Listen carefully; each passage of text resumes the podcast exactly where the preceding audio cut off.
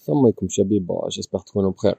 اليوم حبيت برك نقول لكم باللي في أزمات كيما هادو لازم الواحد آه، يكون الهدف تاعو إنه يدير الخير يحوس كيفاش آه، ينفع الناس المضرارة يعاونهم وماشي partager la négativité في les réseaux sociaux ولا في حياته اليومية.